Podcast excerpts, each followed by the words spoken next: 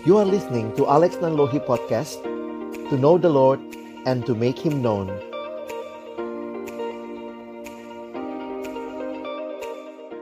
Bapak Surgawi, terima kasih banyak kesempatan malam hari ini Tuhan berikan kepada kami.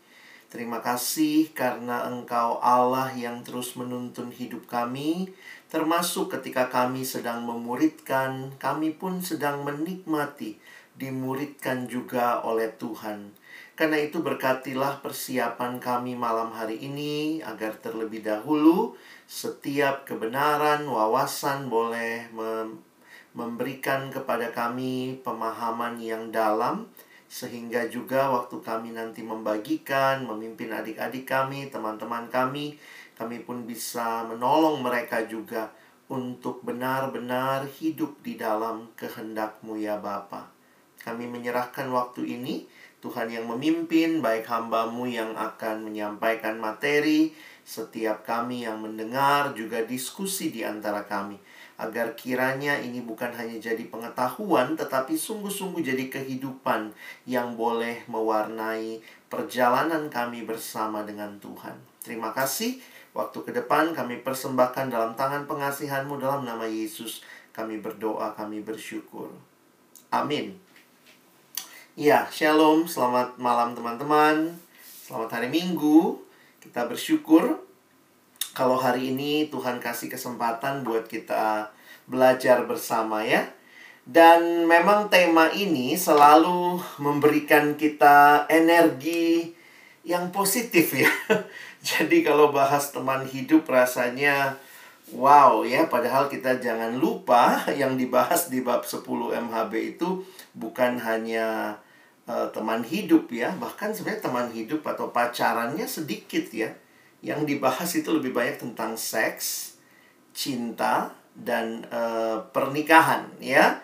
Jadi sebenarnya nggak ada pacarannya gitu ya. Jadi uh, mungkin ya saya harap sih kita bisa memahami. Jadi bagaimana nanti kita menempatkan pacaran ada di mana begitu. Karena pertanyaan kalian abang tadi cek ke slide gitu ya tentang pacaran mendoakan teman hidup gitu ya. Tapi jujur aja sebenarnya MHB memberikan konsep yang lebih luas tentang itu. Banyak hal kalian nanti bisa baca di MHB. Kalau kalian perlu tanya, nanti silakan bertanya. Tapi saya mau memberikan beberapa wawasan yang justru tidak ada di dalamnya. Karena saya pikir kalau ada kan kalian bisa baca sendiri ya. Nanti kalau kurang jelas ya kita ngobrol pas tanya jawab. Abang akan sampaikan materi dulu, nanti kemudian ada kesempatan untuk kita tanya jawab. Saya sih tidak yakin bisa menjawab semua pertanyaanmu yang membuat kamu ingin tahu atau apa ya. Karena saya pikir juga uh, banyak hal dalam hidup kita itu sebuah uh, perjalanan yang di dalamnya teman-teman juga akan menemukan sendiri. Tentunya kalau kita dekat dengan Tuhan Tuhan akan menuntun kita ya dalam memahami apa yang menjadi kehendaknya. Tetapi memang yang akan Tuhan berikan adalah prinsip-prinsip dan saya pikir itu yang menarik di dalam Alkitab. Ya kalau kita bicara MHB bab 10 Jangan lupa ya Judulnya nggak ada pacarannya ya Seks, cinta, dan pernikahan Banyak yang nggak sadar kali ya Oh ada ya Ternyata nggak ada pacaran di dalamnya ya Dalam judulnya aja nggak ada Tapi kalau kita bahas bab 10 Langsung bayangannya Saya nanti sama siapa gitu ya Nanti orangnya seperti apa Nah ada memang di pertanyaan tentang kriteria ya Kriteria pasangan seperti apa yang kamu rindukan. Nah, tapi Abang ingin mengajak kita berpikir lebih luas bahwa sebenarnya apa sih arti hidup ya? Wah, jauh banget nariknya. Apa sih arti hidup? Sadar atau tidak, setiap kita sebenarnya sedang menghidupi sebuah cerita. Semua manusia yang hidup itu sebenarnya sedang menghidupi sebuah cerita yang dia peroleh. Nah, ini berbagai cara, berbagai pengalaman hidup ada yang kita peroleh cerita itu dari keluarga kita, kita peroleh dari pendidikan kita, kita peroleh dari budaya di sekitar kita, kita peroleh dari mungkin uh, culture kita gitu ya, uh, kebiasaan dan mungkin orang-orang di sekitar kita jadi, sadar atau tidak, semua orang sebenarnya sedang menghidupi sebuah cerita. Contohnya apa? Misalnya begini, ada yang ceritanya adalah uang misalnya. Jadi dia ditanya, kenapa kamu kuliah? Ya nanti supaya bisa kerja, waktu saya nanti bisa kerja yang baik, saya punya kedudukan yang baik, nanti saya bisa banyak uang. Jadi sebenarnya uang menjadi cerita utamanya. Nah, kita bisa mencoba menggali ya, coba lihat cerita utamamu apa. Karena sadar atau tidak, semua hal yang kita ambil, kita pilih, kita jalani dalam hidup itu diberi makna berdasarkan cerita apa yang sedang kita hidupi. Itu kira-kira penjelasan yang disampaikan oleh Bapak Tim Keller dalam tulisan ini. Dia mengatakan orang tidak bisa membuat apa pun menjadi sesuatu yang masuk akal atau memiliki arti meaningful tanpa menempatkannya di dalam semacam alur cerita. Untuk apa kamu kuliah? Nah, ada ceritanya dong pasti ya. Untuk apa kamu hari ini kita bicara teman hidup, mau ngapain punya teman hidup? Sebenarnya kita punya cerita, ya. Entah cerita kita dibentuk oleh Walt Disney ya, and they live happily ever after, but each one of us we have a story. We are living a story. Melalui cerita itulah kita memandang kehidupan. Nah, menariknya buat kita orang percaya, seharusnya kalau kita menyadari bahwa ini adalah sebuah cerita, ada satu kutipan yang menarik mengatakan if life is a story, there must be a storyteller. Ya, pasti ada yang yang jadi penceritanya atau penulis ceritanya kalau kita pakai istilah itu. Dan ketika kita baca Alkitab kita, sebenarnya ceritanya itu tidak dimulai dari kita No. Ini ceritanya dimulai dari Allah. Jadi kita bicara tentang God's big story. Jadi sebenarnya ceritanya itu ceritanya Allah yang kemudian teman-teman dan saya bisa melihatnya hidup kita itu ada di dalam ceritanya Allah. Dan kalau kita memang adalah ciptaannya Allah, ya harusnya kita menghidupi cerita yang Allah set buat kita. Ya, Nah, di dalam satu buku yang ditulis oleh Bapak Christopher Wright, seorang teolog perjanjian lama, seorang ahli misiologi, dia mencoba menggambarkan kalau kita lihat cerita Alkitab. Di dalam Alkitab ada cerita-cerita individu, misalnya ada cerita Daud, cerita Yusuf, cerita Abraham, cerita Petrus, ceritanya Paulus. Tetapi kalau kita melihat the whole Bible, Actually, Bible is a single story. The whole Bible is a single story yang kalau diperas begitu rupa ya, dia menggambarkan sebenarnya Alkitab itu adalah cerita dengan enam babak. Seperti sebuah drama dengan enam babak dan dia memberikan simbol ini untuk kita bisa menjelaskannya. Nah, kita bisa hafal simbol ini gampang ya. Jadi kalau orang nanya, apa sih isi Alkitabmu? Kamu bilang sama dia, kamu punya waktu satu menit nggak? Saya akan kasih tahu apa isinya dalam satu menit. Kalian tinggal gambar enam simbol ini. Yang pertama, dan tentu kita sudah belajar ya bahwa Allah adalah Allah yang mencipta, creation. Tapi kemudian manusia jatuh dalam dosa, fall. Dan kita melihat Allah yang menciptakan kita, dia Allah yang juga peduli dengan kita sehingga Allah merancangkan penebusan bagi kita. Karena itu di perjanjian lama nomor tiga Allah memberikan promise. Allah memberikan janji melalui para nabi, mengingatkan mereka akan janji keselamatan yang akan datang di dalam Mesias yang akhirnya dihayati itulah Yesus yang datang menebus redemption. Dan, nah yang menarik ini ya, kita coba lihat dulu bahwa nomor 6, nah kita lompat sedikit ya. Nomor 6 itu adalah new creation. Bahwa dunia di mana kita hidup ini adalah dunia yang sudah jatuh dalam dosa. Tetapi Allah yang punya cerita, dia akan menggenapkan segalanya dan akan membaharui seluruh bumi ini. Makanya kita menyebutnya new creation. Nah, yang menarik adalah kita sekarang kalau lihat dari timeline ini, kita ada di nomor berapa? Ya, kita ada di nomor yang saya belum tulis itu ya. Kita ada di nomor 5, ya. Karena Yesus sudah menebus kita, tapi jangan lupa kan Yesus kembali ke surga. Dan dia janji akan datang kedua kali. Itulah nomor yang keenam. Jadi sekarang ini kita ada dalam nomor yang kelima. Dan Bapak Christopher Wright menyebut nomor lima ini adalah mission. So we are on a mission. Tempatkanlah dirimu di dalam cerita besarnya Allah kita ada di dalam misinya Allah dan ingat ini bukan sekadar cerita tetapi ini adalah firman Tuhan kan This is not only a story but this is God's word dari Alkitab kita belajar melihat segala sesuatu dari perspektifnya Tuhan coba hafal lagi nih ya ini perlu dihafal dan diingat-ingat dalam hidup Kenapa? Kalau begini kita memandang hidup, maka jangan lupa berarti studimu It's a mission. Kalau demikian, bicara teman hidup, it's a mission. Bicara berkeluarga, it's a mission. Ini bukan sekadar rancangan kita tentang apa yang kita mau, kita cari pacar, segala macam. Tetapi ini adalah dalam rangka kaitan misinya Allah untuk membaharui dunia ini. Sehingga kalau teman-teman bisa membayangkan begini ya, Sebenarnya kan Allah yang menuliskan cerita, lalu Allah yang menuliskan cerita itu melibatkan kita di dalamnya.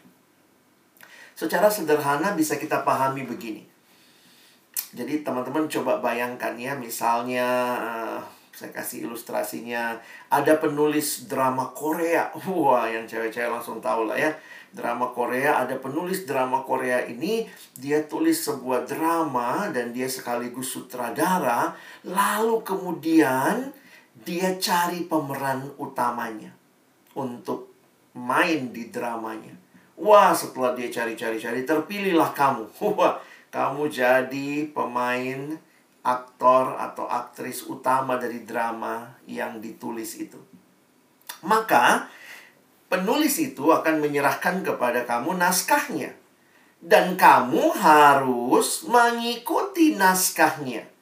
Jadi bagaimana supaya kamu bisa jadi aktor atau aktris yang baik? Ya ikuti naskahnya. Karena dengan demikian kamu jadi paham apa ceritanya. Nah, dengan gambaran yang sama, Abang ingin kita memahami begini ya.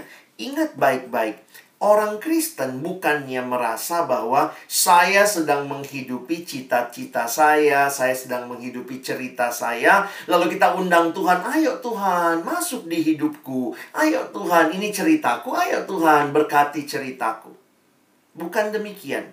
Ketika engkau belajar kitab suci, engkau akan melihat sebenarnya Allah yang punya cerita.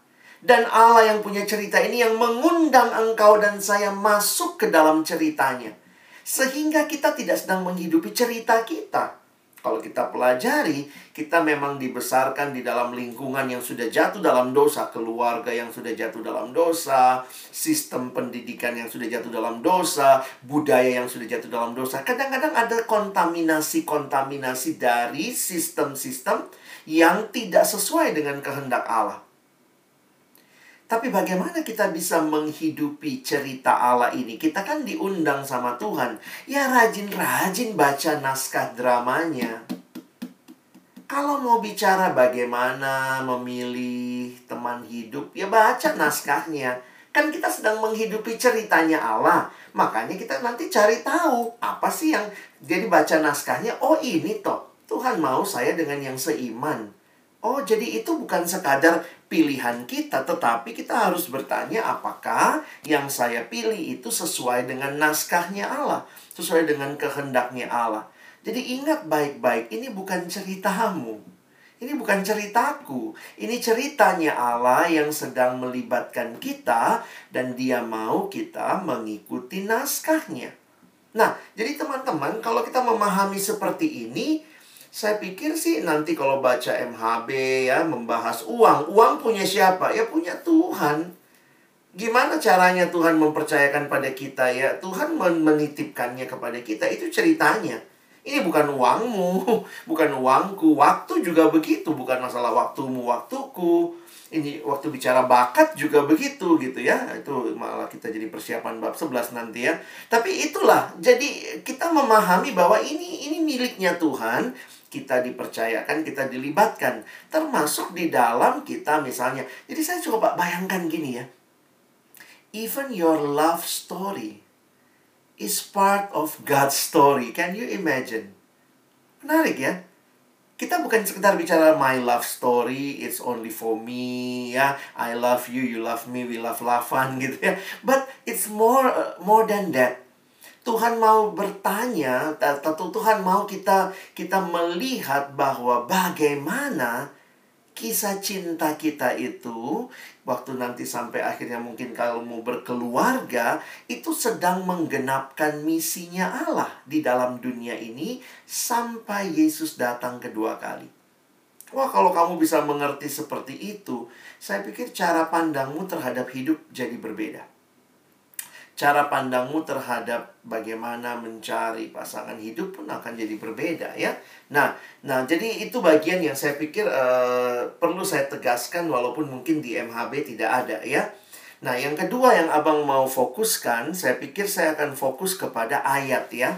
Karena saya pikir ayat PA di setiap bab MHB itu penting. Kalau bacaan kalian tinggal baca, kalau ditunjuk ayat silakan kalian lihat ayatnya. Tetapi ada beberapa prinsip yang saya harap kita pahami dari PA-nya, ya. Nah, hari ini kita lihat Kejadian pasal 2 ayat 18 sampai ayat yang ke-25. Menarik untuk memperhatikan bagian ini, saya sudah tuliskan ayat-ayatnya, teman-teman bisa ikuti ya. Abang bacakan buat kita. Tuhan Allah berfirman tidak baik kalau manusia itu seorang diri saja. Aku akan menjadikan penolong baginya yang sepadan dengan dia. Teman-teman, saya coba sambil menjelaskan ayatnya ya. Setelah di pasal pertama ya dikasih tahu bahwa semua yang Tuhan ciptakan itu baik, baik, baik, sungguh amat baik, maka Kejadian 2 ayat 18 ini pertama kali dikatakan di Alkitab kita tidak baik. Dan dalam kaitan apa tidak baik? Yang tidak baik ini dalam kaitan kalau manusia itu seorang diri saja. Jangan bingung ya, saya kasih sedikit penjelasan penafsiran. Kenapa kejadian satu menulis Allah sudah menciptakan manusia laki-laki dan perempuan. Tetapi kejadian dua diulang lagi kisah penciptaan. Lalu di sinilah kita jadi tahu. Oh, yang pertama Allah cipta laki-laki dulu. Habis laki-laki, lihat ayat 19. Tuhan bentuk binatang. Baru nanti sesudah itu perempuan. Nah, jadi kalau orang nanya, kenapa ada dua cerita penciptaan di dalam kitab kejadian? Secara sederhana penjelasannya, kejadian satu itu rekap semua hari. Hari pertama sampai hari ke-6. Kejadian dua secara khusus menyoroti hari ke-6. Jadi hari ke-6 kronologi penciptaan manusia yang ternyata kita pahami bahwa yang pertama dicipta adalah laki-laki, lalu kemudian perempuan. Nah, lihat prosesnya ya di ayat 18, siapa yang bilang tidak baik? Allah ya. Tidak baik kalau manusia itu seorang diri saja. Aku akan menjadikan penolong baginya yang sepadan dengan dia. Perhatikan ayat 19. Lalu Tuhan Allah membentuk dari tanah segala binatang hutan dan segala burung di udara. Dibawanyalah semuanya kepada manusia itu untuk melihat bagaimana ia menamainya dan seperti nama yang diberikan manusia itu kepada tiap-tiap makhluk yang hidup, demikianlah nanti nama makhluk itu. Jadi, salah satu bukti manusia berkuasa atas alam ini yang Tuhan nyatakan adalah dengan manusia diberikan mandat untuk memberi nama. Memberi nama itu salah satu tanda authority, ya. Nah, sehingga kalau perhatikan, Ya, kucing itu nggak pernah milih, aku kucing dong, aku kucing dong. Enggak ya, Adam bilang kucing kau, kucing dia ya. Jadi yang kasih nama Adam. Adam bilang monyet kau, monyet dia namanya ya. Nah, jadi Adam itu kasih nama, kasih nama, kasih nama semua ya. Nah, itu terjadi. Perhatikan ayat 20.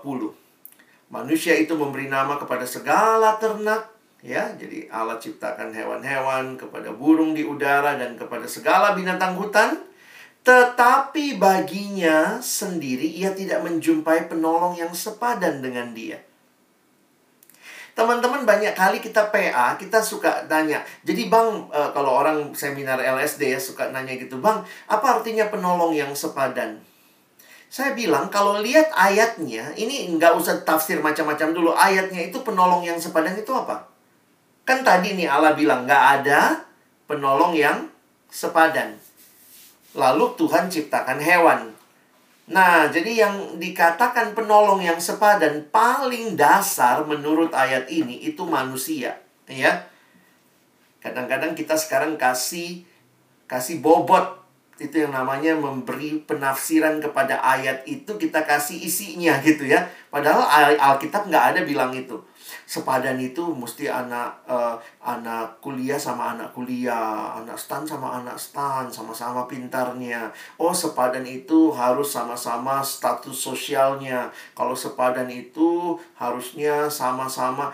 Jadi banyak kali sama-samanya yang sebenarnya di Alkitab paling dasar aja sepadan adalah yang sama-sama manusia.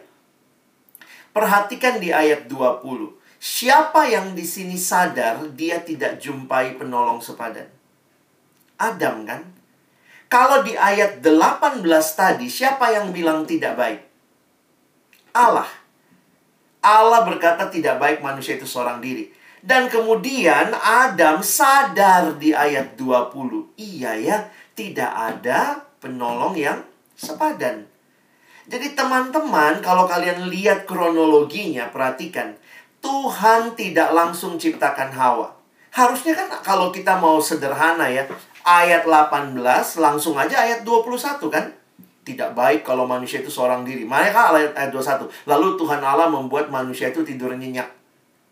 Kenapa Tuhan tidak langsung ke ayat 21? Kayak ada iklan gitu ya. Tidak baik kalau Adam itu sendiri. Eh, Tuhan ciptakan kebun binatang, taman safari. Apaan nih gitu ya? Kenapa? Karena Tuhan sedang ingin membangkitkan kebutuhan Adam. Makanya berhasil kan? Di ayat 18 Tuhan yang bilang tidak baik kalau manusia itu seorang diri. Tetapi di ayat 20 Adam sadar dia butuh penolong yang sepadan. Kira-kira sadarnya dari mana? Nah ini kalau kita PA ya kita bisa lihat lah ya. Allah memberikan mandat kepada Adam memberi nama hewan-hewan itu. Nah sekarang pertanyaannya. Allah ciptakan berapa ekor gajah? Kita Kristen kan ya, jadi kalau ditanya telur atau ayam, mana yang Allah cipta dulu? ayam lah ya Tuhan kan nggak ciptakan pada mulanya Allah menciptakan telur lalu telur itu mentetas jadi ayam Alkitab mengatakan Allah menciptakan hewan-hewan. Tapi pertanyaannya Allah menciptakan hewannya berapa ekor? Ya dalam logika sederhana pasti Tuhan menciptakannya sepasang minimal sepasang. Jadi Tuhan ciptakan om gajah sama tante gajah ya. Om jerapah sama tante jerapah, om monyet sama tante monyet gitu ya. Om semut sama tante semut. Jadi saya membayangkan ketika Adam memberi nama semua hewan-hewan itu. Ternyata di situlah dia sadar. Kesadarannya tidak ada yang sepadan mungkin Adam lihat gitu ya ini kalau saya membayangkan ya penafsirannya agak liar ya. Adam sore-sore bilang sama Om Gajah ah Om pinjem tante dong jalan-jalan bareng. Wah jalan sama tante gajah kebesaran. Jalan sama tante jerapah ketinggian. Ya udahlah jalan sama tante semut. Wah hampir keinjak tante semut ya Akhirnya yang paling mirip sama tante monyet. Jalan berdua sore-sore. Tante tegak dikit, habis tegap. Eh, bongkok lagi, dasar monyet gitu ya. Akhirnya Adam sadar, nggak ada yang sepadan. ya. Nah, di titik inilah. Jadi sepadan itu apa? Ya manusia sebenarnya. nggak Jangan kasih penafsiran lain ya kalau kita bicara nanti S1 sama S1, D3 sama D3, nanti kemudian eh, orang kaya sama orang kaya, itu faktor-faktor psikologis. Tidak ada hubungannya sama Alkitab. Alkitab hanya memberikan pemahaman sepadan itu sama-sama manusia. Di titik Adam sadar dia butuh, barulah Tuhan ciptakan Hawa. Wah, saya pikir hebat sekali Tuhan ya. Tuhan nggak langsung ciptakan Hawa, tidak baik manusia itu seorang diri, lalu Tuhan ciptakan Hawa, terus nanti begitu Hawa dibawa sama Adam, Adam bilang, Hah, buat apa ini? Ini bakal apaan? gitu ya. Tetapi Allah bangkitkan kesadaran Adam akan kebutuhan penolong yang sepadan. Makanya ayat 21 ketika sudah ada kebutuhan itu Allah membuat manusia itu tidur nyenyak. Tuhan bertindak. Ketika ia tidur, Tuhan Allah mengambil salah satu rusuk daripadanya lalu menutup tempat itu dengan daging. Wah, inilah operasi pertama yang dicatat di Alkitab, operasi pertama di dunia, ya. Operasi mengambil salah satu rusuk dan saya pikir prinsipnya sampai hari ini masih dipakai ya. Apa prinsipnya? Yang dioperasi dibikin tidur ya. Jangan operasi. Oh usus buntu ya. Nggak usah dibius ya. Langsung belek gitu. Ini Tuhan pakai prinsipnya. Dibikin tidur dulu ya. Tidur nyenyak. Jadi dokter anestesi itu rohani ya. Ikutin polanya Tuhan. Tuhan mengambil rusuk daripadanya, menutup tempat itu dengan daging. Lalu dari rusuk yang diambil Tuhan Allah dari manusia itu, dibangunnyalah seorang perempuan, lalu dibawanya kepada manusia itu. Jadi perhatikan ya, Tuhan yang memberi atau Tuhan yang mencipta, lalu Tuhan yang bawa kepada manusia itu. Makanya perhatikan ayat berikutnya, 23. Lalu berkatalah manusia itu, Nah ingat ya ini kutipan langsung. Kalau PA excited lah kalau PA ya. Bahwa bayangkan kira-kira Adam ngomongnya gimana waktu ketemu Hawa pertama kali? Kan ini kutipan langsung. Kira-kira Adam ngomongnya bagaimana? Ingat Adam sudah cari semua nggak dijumpai penolong yang sepadan. Begitu ketemu yang sepadan. Kira-kira atau Adam Adam ngomong ini ini dia tulang dari tulangku. Pasti nggak gitu ya Adam akan berkata, ini dia tulang dari tulangku dan daging dari dagingku. Siapa yang kasih nama perempuan? Adam. Ia akan dinamai perempuan sebab dia diambil dari laki-laki. Nah, jadi teman-teman saya membayangkan ya, ketika Adam melihat Allah mengantarkan Hawa, maka dia berkata, inilah dia kayak gitu ya sudah ku cari ke mana-mana. Nggak ada yang sepadan. Ini dia.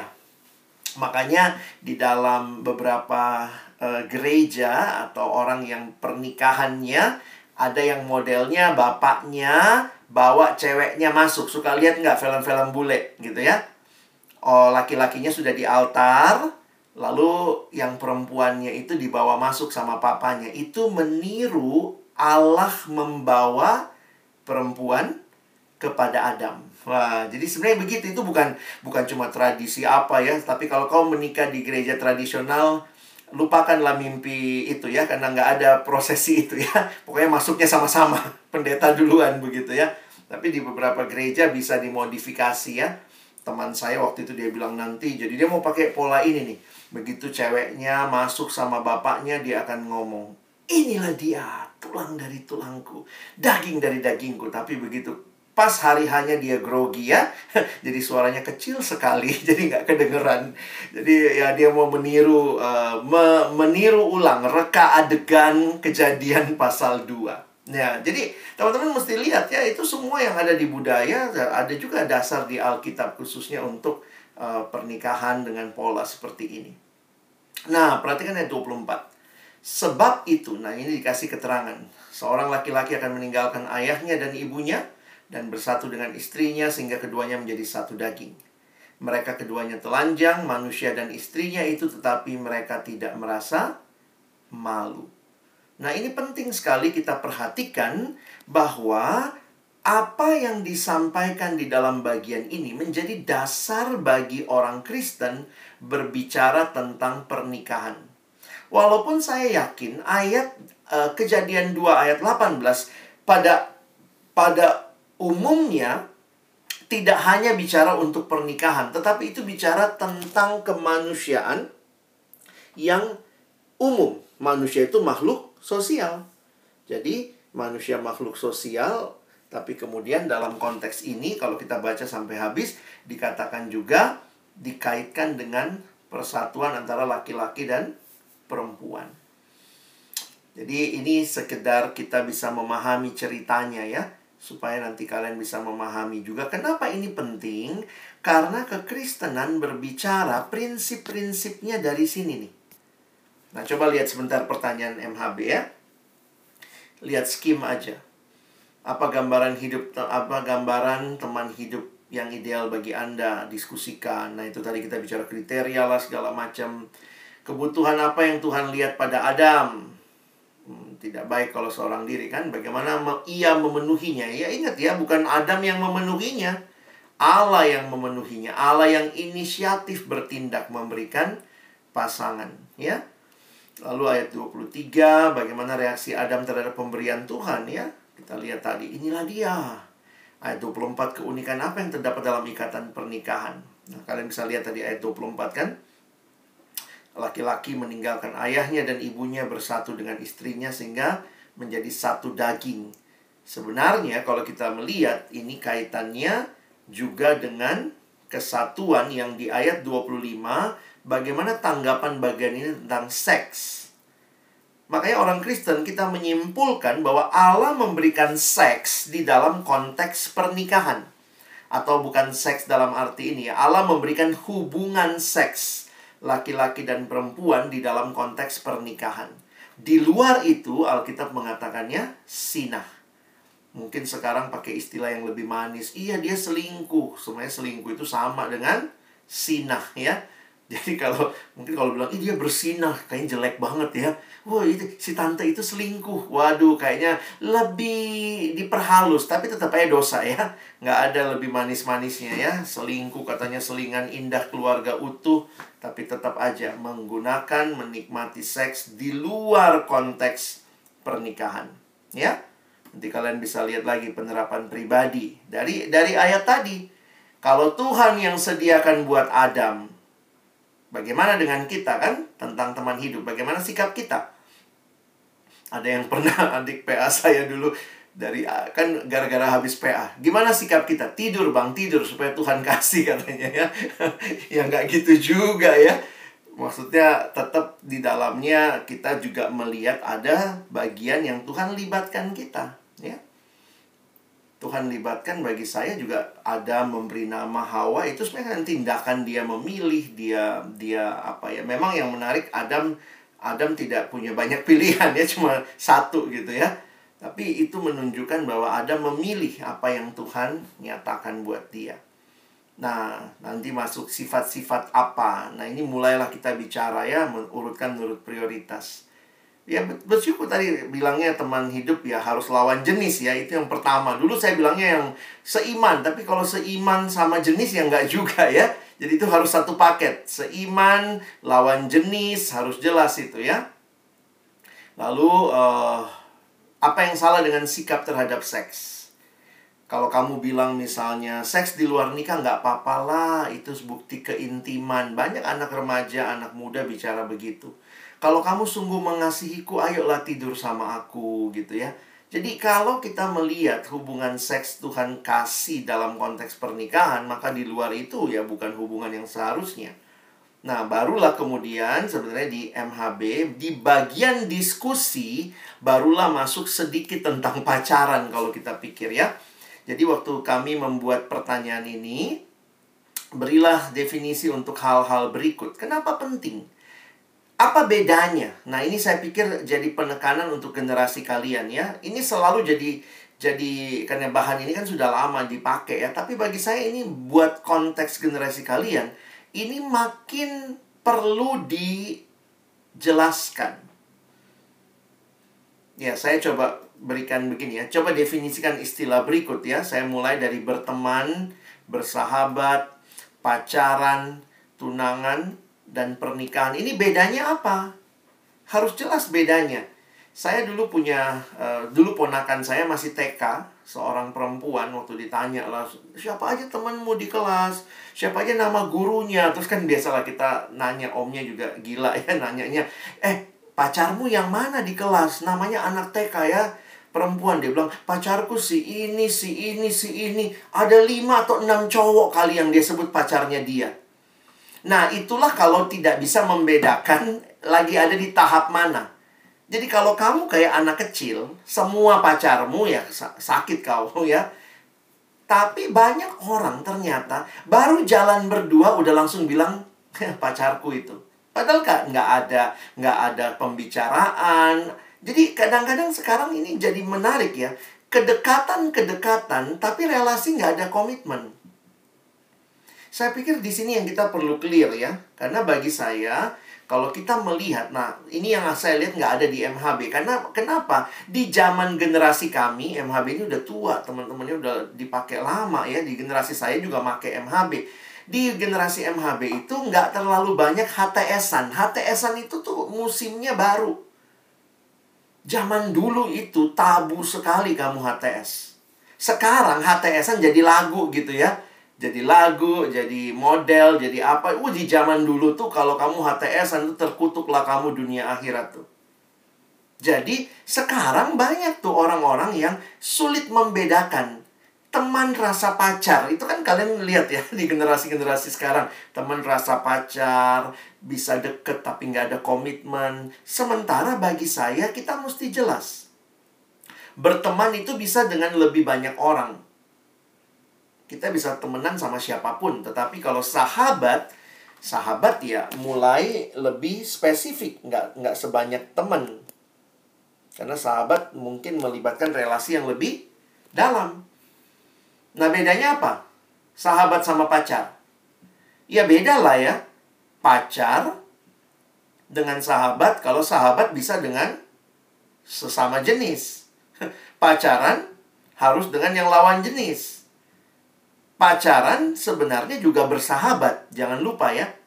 Makanya kalau ada yang nanya, Bang, aku nggak tahu siapa aja, Bang. Saya bilang, coba daftarin siapa sahabatmu lawan jenis. Coba lihat list, bikin list si ini, si ini, si ini, si ini, lisin. Karena ya paling nggak udah ada modalnya kan tinggal lanjut aja kalau dia suka kau suka dia doanya nyambung ya pacaran kalian ya. Jadi jangan terlalu desperate nggak ada yang cantik. Oh kadang-kadang gitu ya. Di PMK ini nggak ada yang cantik. Ih kayak ganteng aja kau. Ya di di PMK ini nggak ada yang ganteng. Ya ampun secantik apa kamu rupanya ya jadi banyak kali kita itu mengabaikan sahabat ya padahal sebenarnya saya menarik juga ada satu definisi pernikahan menarik dia sederhana sekali. Pernikahan adalah persahabatan seumur hidup. Jadi kalau kamu bingung cari pacar dari mana, salah satunya list sahabatmu. Lihat siapa sahabatmu lawan jenis, ya. Nah, pacaran itu bedanya sama sahabat apa? Ya ada komitmen pacaran paling tidak komitmen di antara berdua. Komitmennya itu bagaimana? Ya, kamu pacarku, aku pacarmu sehingga kau tidak buka cabang di mana-mana. Nanti di setiap persekutuan kampus di kampus lain buka cabang juga. Enggak. Pacar itu berarti saya tahu kamu, kamu tahu saya, kita terikat. Nanti kalau tunangan, bedanya apa sama pacaran? Ada yang bilang tunangan lebih mahal, Bang. oh iya sih ya, karena pakai pesta ya. Tapi tunangan sebenarnya komitmen kalian diketahui lebih umum. Khususnya oleh keluarga besar. Paling tidak begitu. Karena kalau pacaran bisa aja komitmennya lebih pribadi. Nanti bedanya tunangan sama pernikahan apa? Pernikahan lebih mahal lagi bang. Ya iyalah ya. Tapi tunangan masih bisa putus. Pacaran masih bisa putus. Yang tidak boleh putus itu pernikahan. Walaupun ada banyak yang melanggar, tetapi dalam prinsip Alkitab, pernikahan tidak boleh putus. Nah, waktu lihat gambaran ini, ya gambarnya kayak piramida terbalik ya. Jadi jangan dibalik, temenan satu orang, sahabat lebih banyak, pacar banyak, tunangan banyak, nikah banyak, nggak gitu kan. Mulai dari pacaran itu terus sampai ke bawah tuh satu, begitu.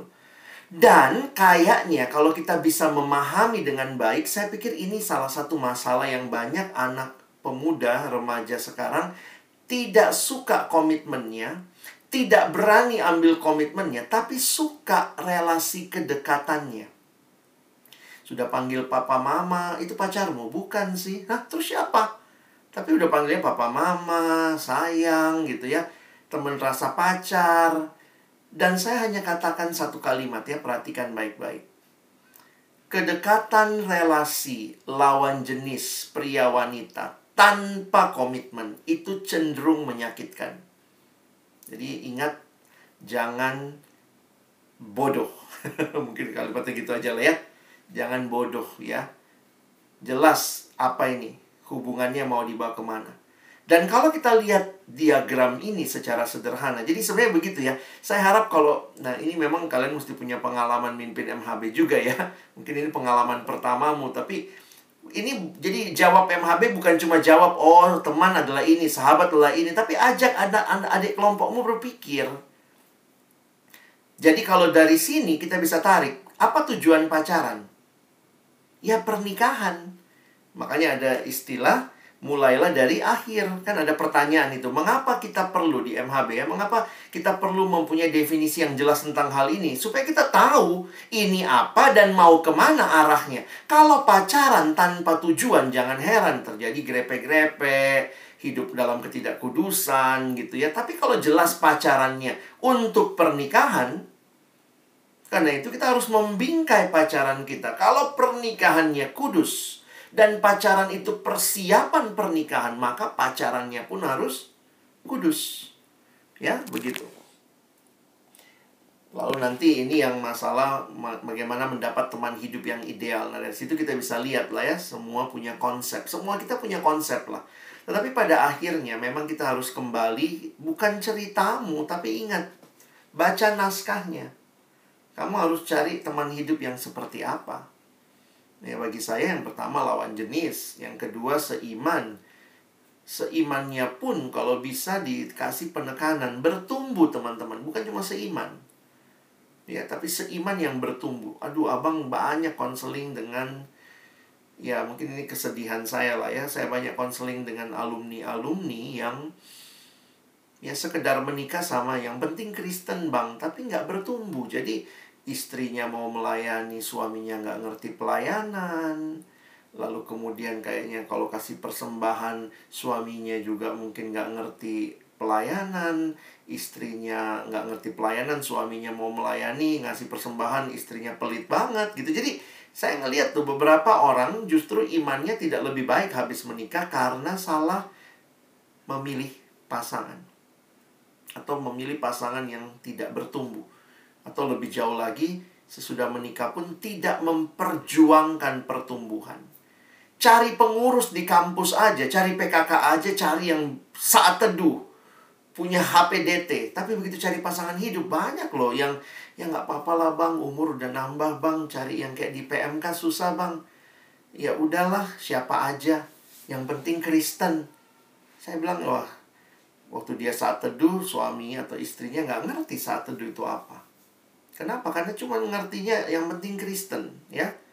Jadi karena itu uh, saya ingin uh, berikan beberapa prinsip aja ya sebelum nanti mungkin kita tanya jawab lebih banyak yang kalian mau tahu dari situ. Alkitab tidak ada bicara tentang pacaran. Kenapa? Tidak ada dalam budaya orang Yahudi pacaran. Di dalam budaya orang Yahudi yang ada pertunangan dan pernikahan. Jadi kalau orang tanya, kenapa tidak ada pacaran di Alkitab? Ya nggak ada di budaya mereka. Nah, memang ini agak sedikit ekstrim diambil oleh saudara-saudara sepupu kita yang mengatakan, nah mereka tuh lebih mirip kan seperti budaya Yahudi. Jadi uh, langsung menikah, kira-kira begitu ya. Jadi nggak ada tuh pacaran karena katanya pacaran mengundang dosa, mengundang syaiton gitu ya. Saya bilang sih bukan masalah di pacarannya, tapi ketika pacaran tanpa tujuan, nah itu akibat-akibat yang mereka takutkan ya. Jadi Alkitab bicaranya apa? Pertunangan. Dan pada masa itu, pertunangan itu, itulah cara orang mengenal. Masih ingat orang tua Yesus, Maria sama Yusuf? Maria sama Yusuf dikatakan sudah bertunangan, tapi belum hidup sebagai suami istri.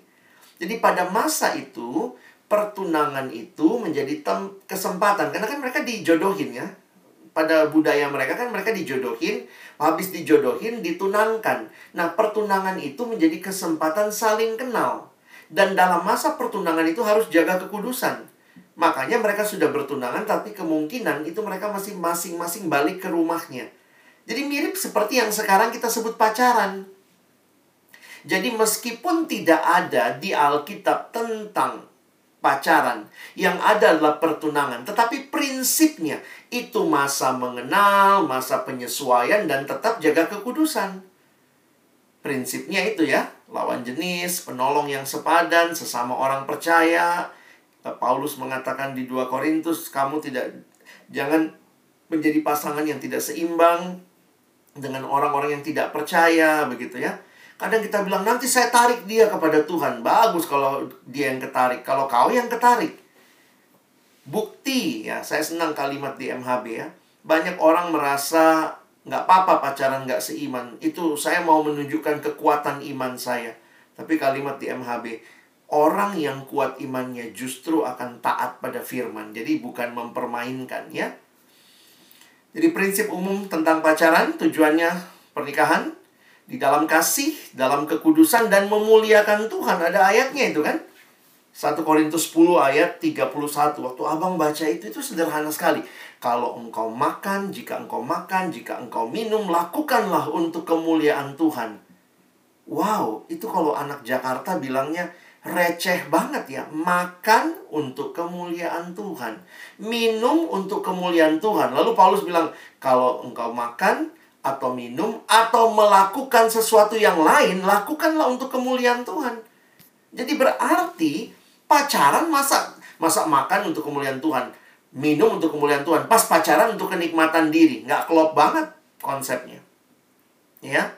Nah, ini beberapa prinsip aja ya dari kejadian tadi ya. Allah yang menciptakan manusia laki-laki dan perempuan.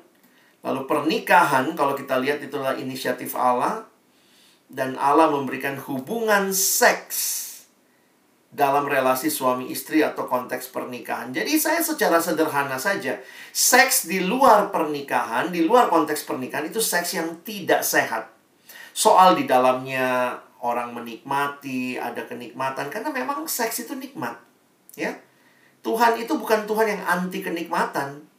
Tuhan yang ciptakan seks, Tuhan menciptakan kita dengan semua organ tubuh kita yang peka terhadap kenikmatan. Kalau kamu, ya saya bicara begini, kamu udah dewasa kan? Jadi kalau ada yang bilang, Bang, saya lemah dalam seks. Saya bilang, ya saya juga lemah. Kita harus sadar diri gitu ya. Tuhan ciptakan kita ada saraf-saraf kenikmatan di sekitar bibir, di sekitar leher gitu ya di bagian dada, di bagian alat kelamin gitu ya. Dan itu semua Tuhan yang ciptakan. Tapi Tuhan mau kita pakai di dalam konteks yang benar. Di MHB dikatakan sama seperti uang. Uang pemberian Tuhan, demikian juga seks pemberian Tuhan. Maka harusnya dipakai sesuai aturannya Tuhan. Itu kan dititipin sama kita. Baca lagi naskah dramanya. Baca lagi bukunya sehingga dengan jelas kekristenan kita menolak no premarital sex. Tidak boleh hubungan seks sebelum pernikahan. Tapi bang banyak yang sudah jatuh dalam hubungan seperti itu ya bertobat, minta ampun di hadapan Tuhan dan terus jaga kekudusan hingga pernikahan. Lalu tidak ada extramarital sex sudah merit, ah masa istriku dia dia lagi, masa suamiku dia terus, ah udahlah main lagi sama orang lain nggak bisa no premarital sex, no extramarital sex, dan no kita menolak homoseks, lesbian, bisex. Kita menolak perilakunya. Orangnya kita terima karena mereka juga butuh kasih karunia Tuhan, tetapi kita menolak perilakunya dan kita harap mereka tidak hidup terus dalam perilaku seperti itu.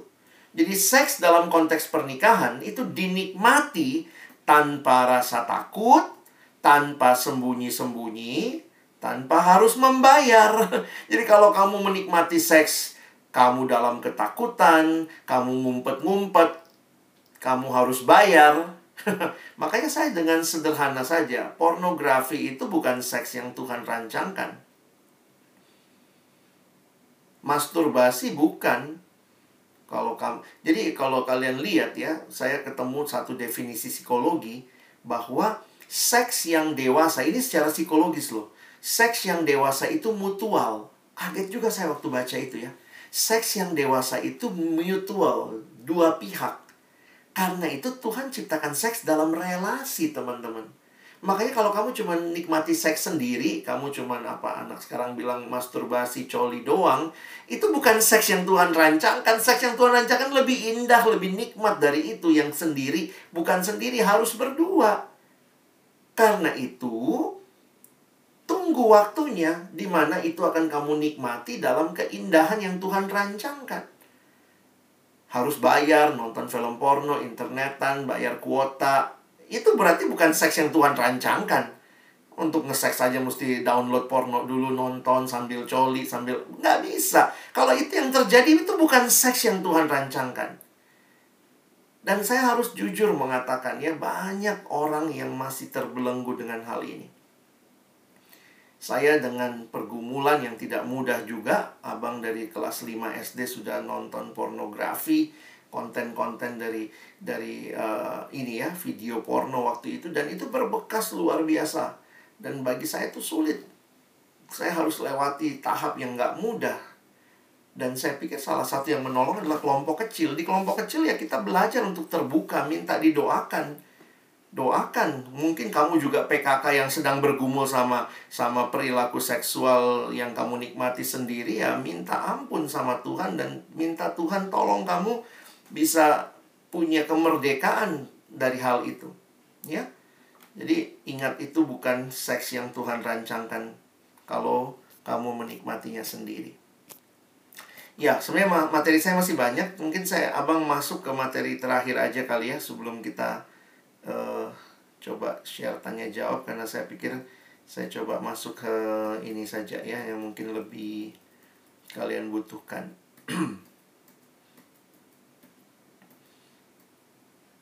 Oke, jadi kita lihat pacaran Kristen. Saya coba kasih sedikit pemahaman aja tentang kenapa uh, prinsip berpacaran, sorry, bukan. Bagaimana memilih teman hidup, ya? Oke, saya masuk ke sini aja supaya bisa selesai dan kita tanya jawab.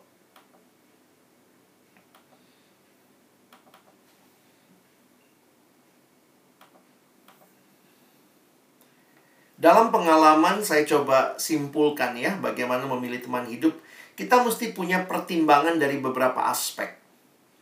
Aspek perasaan yang anak sekarang suka bilang chemistry, yang kedua karakter, yang ketiga akal sehat, yang keempat pengenalan akan Tuhan dan pertumbuhan rohani. Ini yang Abang bilang tadi ya, bukan sekadar Kristen tapi Kristen yang bertumbuh. Nah, saya harus katakan bahwa setiap generasi itu punya pergumulan dalam hal ini.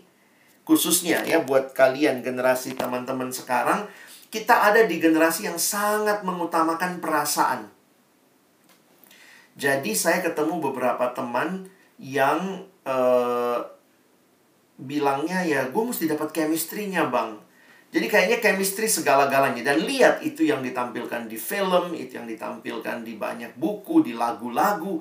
Jadi ini generasi yang sangat mengagungkan chemistry. Bahkan kadang-kadang ketika chemistry itu diagungkan begitu rupa itu menutup semua hal yang lain. Saya kasih contohnya begini deh. Ada orang yang bilang ke saya gitu ya, dia pergi KKN nih pergi KKN karena anak daerah mereka dua bulan di kampung di desa begitu ya. Ya namanya kayak begitu banyak cinta lokasi terjadi ya. Jadi kemudian dia bilang iya bang gue dapat banget feelnya sama dia. Dia bisa ngerti gue banget bang. Terus kemudian karakternya anaknya juga baik banget bang. Saya bilang ya udah jadian aja. Nah itulah bang masalahnya. Apa masalahnya? Dia bukan orang Kristen. Ya ampun Lucu ya. Dia mengutamakan perasaan, karakter, dan jangan pikir yang di luar kita juga kan ada yang baik gitu ya yang mungkin doanya rajin ya dari agama yang lain anaknya baik sopan. Tapi kalau nggak seiman harusnya kan tutup mata dari awal. Nah ini ini yang saya bilang jangan mengutamakan perasaan seolah-olah perasaan itulah segala-galanya sehingga menutup kebenaran yang lain. Akal sehat nggak dipakai prinsip dasar dalam Tuhan gak dipakai. Nah, sementara itu ya di sisi yang lain, Abang ketemu juga orang-orang yang sok rohani ya. Ini kenapa saya bilang sok rohani ya? Jadi ini abang cerita lah. Jadi ada yang DM dan cerita abang, aku sama pacarku sudah jalan sekian lama, tapi kemudian KDRT teman-teman. eh bukan RT ya, masih pacaran. Kekerasan dalam pacaran. Jadi dia dia perempuan, dia pernah ditendang pacarnya, didorong jatuh dari motor. Kalau pacarnya marah dia dimaki-maki gitu ya. Jadi waktu dia datang sama saya tuh uh, ya dia dia cerita gitu. Iya bang aku, tapi aku bingung. Saya bilang kenapa bingung? Karena setelah saya dengar ceritanya menurut abang bagaimana? Saya bilang dek sorry ya. Kalau menurut saya kan ini masih pacaran ya. Kamu mesti dengan serius aku bilang ya pertimbangkan untuk putus masa sih bang saya bilang iyalah dia bilang iya bang tapi gimana ya ini kan jawaban doa jreng jreng jreng jadi dia pakai yang justru nomor empat nih ada juga anak PMK gitu. Tapi ini jawaban doa, Bang. Saya bilang jawaban doa di awal kan waktu mau pacaran. Waktu kamu jalani pacaran, nah banyak nih anak persekutuan begitu. Dia cuma berdoa cari kehendak Tuhan waktu mau pacaran. Tapi waktu jalanin pacaran, dia nggak berdoa, dia nggak bergumul. Karena menurut saya selama belum menikah terus digumulkan. Betulkah dia? Kamu udah dikasarin, udah dipukul seperti itu kok masih dan saya melihat karena saya waktu dengar ceritanya saya bilang kamu ke, ke, ke, konselor nggak ditolong nggak dia nggak mau bang lah nggak bisa kayak gini jadi akhirnya abang ingatkan ya bahwa jangan sok rohani ini jawaban doa saya ketemu juga nih sudah menikmati hubungan suami istri berdua lalu kemudian dia datang dan tanya gimana ya bang saya bilang ya putus aja dulu kalau nggak bisa jaga kekudusan tapi kan waktu dulu kami, dia jawaban doa. Jawaban doa di awal, tapi sekarang hidup dalam ketidakbenaran, harus kamu gumulkan untuk serius melihat langkah ke depan. Jadi, jangan sok rohani, seolah-olah karena sudah didoakan lalu beres semua, ini pergumulan. Tapi juga jangan di sisi yang lain mengabaikan kerohanian. Semuanya yang penting karakternya, chemistry-nya. Gue dapet banget bang, gue nyambung banget. Tapi bukan anak Tuhan tidak masuk akal begitu ya. Nah, ini hal-hal yang saya pikir teman-teman perlu waspadai. Jadi, uh, mungkin itu dulu yang Abang sampaikan. Kalau mungkin ada yang kalian perlu tanyakan, silakan. Saya kasih kesempatan. Terima kasih, Bang Alex. Sama-sama. Dari uh, teman-teman yang ada di sini, ada yang mau uh, open mic dan bertanya secara langsung?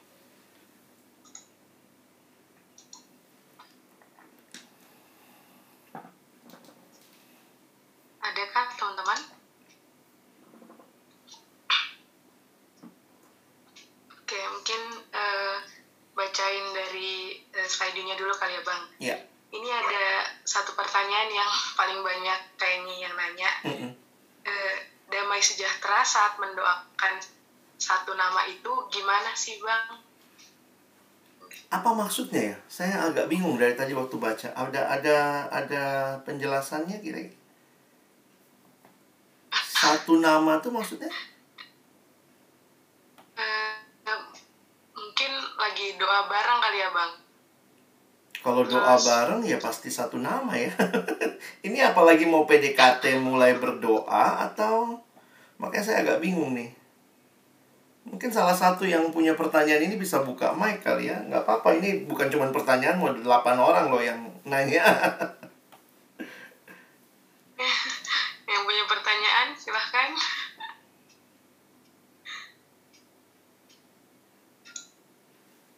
Saya balik lagi ya begini mungkin. Prinsipnya tidak hanya doa damai sejahtera. Karena begini loh teman-teman ya. Anak yang datang sama saya tadi dia doa juga dia rasa damai sejahtera padahal nggak seiman gitu. Jadi kadang-kadang harus harus ngerti prinsipnya menyeluruh. Nah damai sejahtera itu hanya salah satu ukuran saya tidak mengatakan pasti itu satu-satunya ukuran. Karena saya pikir tetap ya, damai sejahtera itu bisa semu ketika itu sesuatu yang kita inginkan semata, bukan yang Tuhan mau.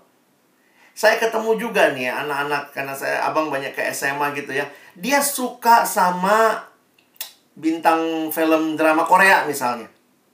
Dan dia mimpinya adalah jadi pacarnya siapalah yang artis Korea Kalau dia doa juga damai rasanya ya. Tapi kan semu, nggak masuk akal. Lu di mana, dia di mana si Korea itu gitu. Itu maksud saya ya. Jadi jangan menjadikan uh, damai sejahtera itu satu-satunya ukuran. Enggak.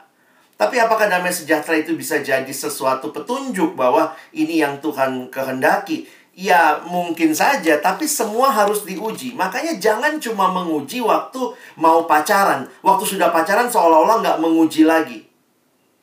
Saya pikir justru waktu jalani pacarannya terus uji gitu ya.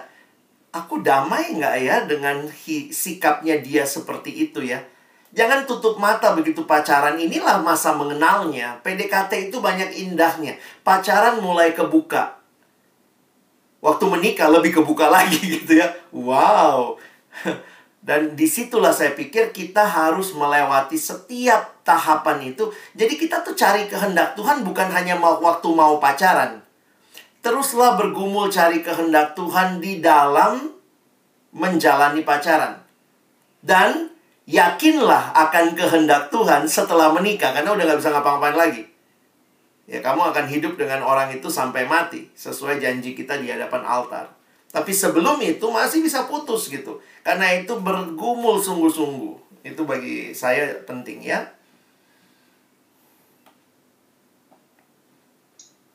Oke, terima kasih Bang.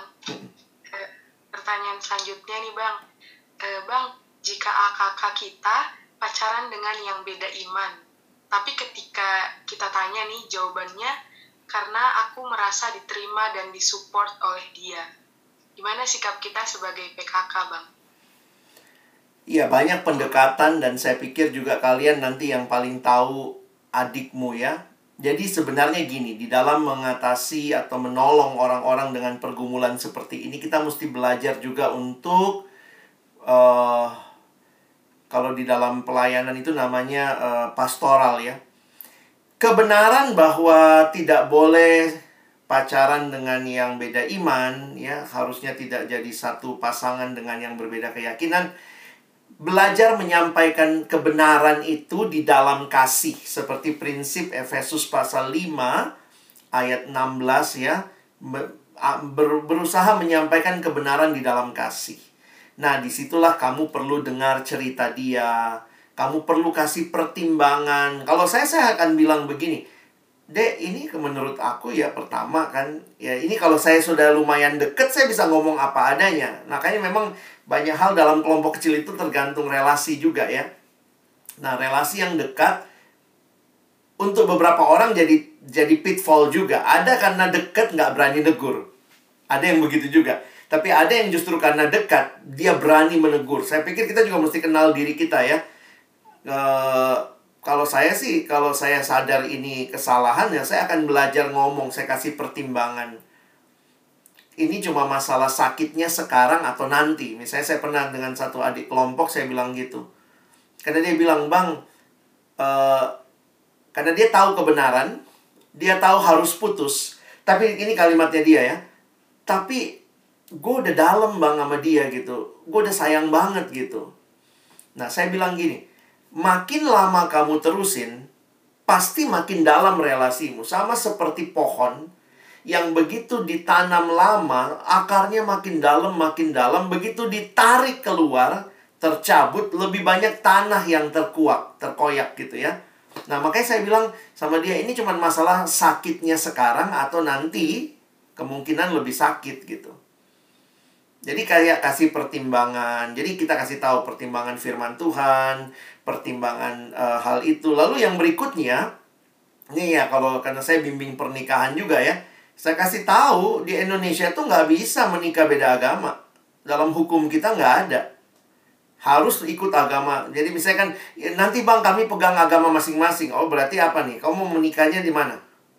Ke Bali bisa katanya. Beberapa uh, di Bali, tapi berarti kamu nggak diakui secara hukum Indonesia. Karena hukum Indonesia, kalau kalian ngerti juga ya, setelah gereja catatan sipil. Jadi catatan sipil hanya mencatatkan pernikahan agama yang sudah di pernikahan yang sudah di dilakukan secara agama yang sama. Berarti kalau nggak dua-duanya jadi Kristen atau dua-duanya jadi agama yang lain dicatatkan di yang lain. Jadi kasih pertimbangan itu. Lalu kemudian kadang kasih pertimbangan, nanti kalau kalian punya anak, lalu gimana kalau satu rumah tangga ada dua nakoda? Mau ikut siapa? Ya nanti anak-anak biar dewasa aja. Saya bilang sama satu adik waktu itu, kamu egois ya.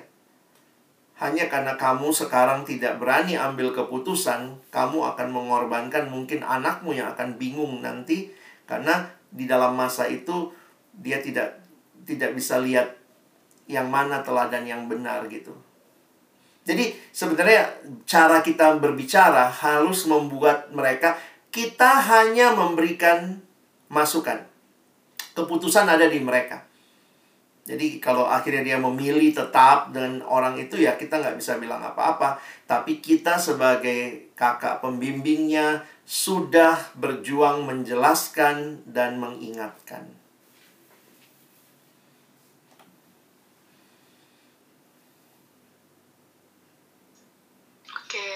Terima kasih Bang. Ya. Ini uh, pertanyaan selanjutnya. Mm -hmm. Hal apa yang harus dipersiapkan dari diri sendiri sebelum memulai suatu hubungan, Bang? Kalau saya melihat hubungan itu sebenarnya paling penting kita kenal diri kita.